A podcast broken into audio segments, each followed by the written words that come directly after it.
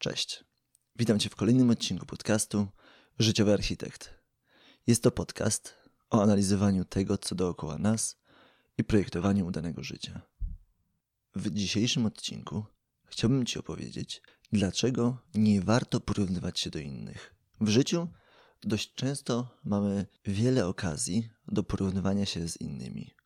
Czy to w pracy, porównując się z innymi osobami z mojego zespołu, czy też poza pracą, porównując się z sąsiadem, ze znajomymi. Media społecznościowe też w tym nie pomagają. Każdy, a może większość osób na swoich profilach społecznościowych chwali się, jakich to niesamowitych rzeczy dokonali, czego to ciekawego nie robili. I bardzo często jest wtedy taka pokusa porównywania się, co inni osiągnęli, a co ja osiągnąłem, co inni są w stanie zrobić, a co ja robię na co dzień. Jednak według mnie tego typu porównywanie ma tylko negatywne skutki. Dlaczego? Spójrzmy na to z dwóch różnych perspektyw.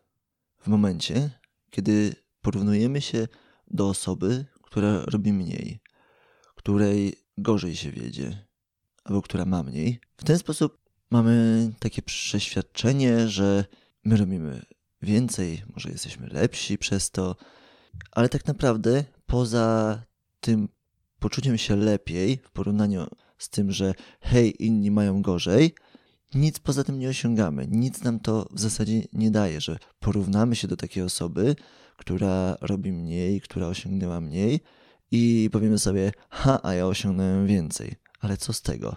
Czy gdziekolwiek nas to zaprowadzi? Wątpię. A samo tego typu wywyższanie się kosztem innych jest może przyjemne na krótką metę, ale długoterminowo powoduje, że patrzymy na te osoby protekcjonalnie, że nie zastanawiamy się, jakie te osoby naprawdę są, tylko co mają, co osiągnęły, oceniamy ich i czujemy się lepsi od nich, i też widać to często w relacjach z nimi, co jest negatywne, bo to, ile osoba robi, to, ile osoba ma, ile osiągnęła, nie powinno mieć wpływu na to, czy utrzymujemy z nią kontakt, czy nie. Z drugiej strony możemy też znaleźć osoby, które robią więcej od nas, osiągnęły więcej od nas. I tego typu porównywanie też nie jest zbyt przyjemne, bo prowadzi to tylko do frustracji, do tego, że myślimy sobie, hmm, powinienem więcej robić, powinienem dużo więcej osiągnąć. Patrz, ta osoba w wieku dwudziestu iluś lat już ma olbrzymią firmę, już ma takie wielkie osiągnięcia, ma coś, o czym ja mogę tylko marzyć. To nas dołuje, to nas blokuje.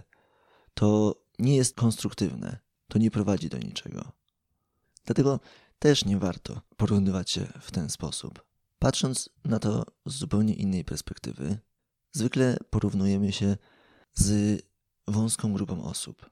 Więc jeżeli porównujemy się ze znajomymi, którzy, którym wiedzie się gorzej, a przez to my możemy się przez chwilę dowartościować, to może sęk w tym, że powinniśmy też rozszerzyć nasze grono znajomych, żeby mieć wśród nich ludzi, którzy ciągną nas w górę, który, którzy nas inspirują. Porównując się z danymi osobami, w szczególności z osobami z naszego otoczenia, patrzymy bardzo, bardzo krótkowzrocznie bo zawsze możemy znaleźć inne osoby. Zawsze znajdziemy osobę, która radzi sobie gorzej od nas, ale też zawsze znajdziemy osobę, która radzi sobie lepiej od nas. Więc tak naprawdę moglibyśmy porównywać się w nieskończoność.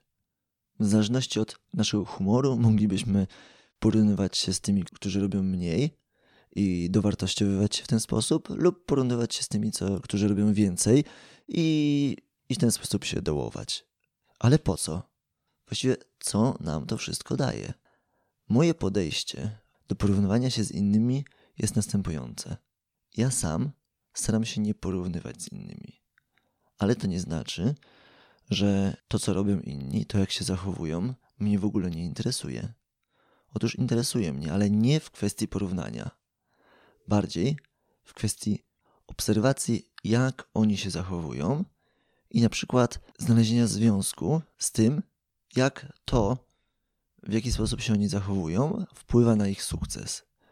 co zrobili, co robią, żeby osiągnąć dany sukces, żeby osiągnąć to, co ja bym chciał osiągnąć. I jak dla mnie to jest wartościowy aspekt porównywania między nami a dowolną inną osobą. Obserwacja i wyciąganie wniosków na podstawie tego, co robią inni. Uczenie się na ich działaniach. Zarówno na ich dobrych działaniach, żeby wiedzieć, które działania przynoszą jakie korzyści i które z działań są wartościowe, jak i uczenie się na cudzych błędach, co też jest niezwykle ważne. Po to, żebyśmy my sami nie musieli popełniać tych błędów ponownie. W ten sposób ja wykorzystuję porównania z innymi ludźmi. A zastanów się, czy ty często porównujesz się z innymi ludźmi. Jeżeli tak, to jako ćwiczenie wybierz jedną taką osobę, z którą się porównujesz i zastanów się, czego mógłbyś się nauczyć z tej relacji. Co mógłbyś wynieść, czego mógłbyś się dodatkowego dowiedzieć, analizując to, co robi dana osoba i jakie efekty osiąga. To tyle ode mnie.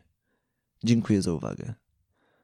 Jeżeli spodobał Ci się ten odcinek, to będę wdzięczny za udostępnienie go innym. Chciałbym w ten sposób dotrzeć do jak największej ilości osób. Dzięki, do usłyszenia.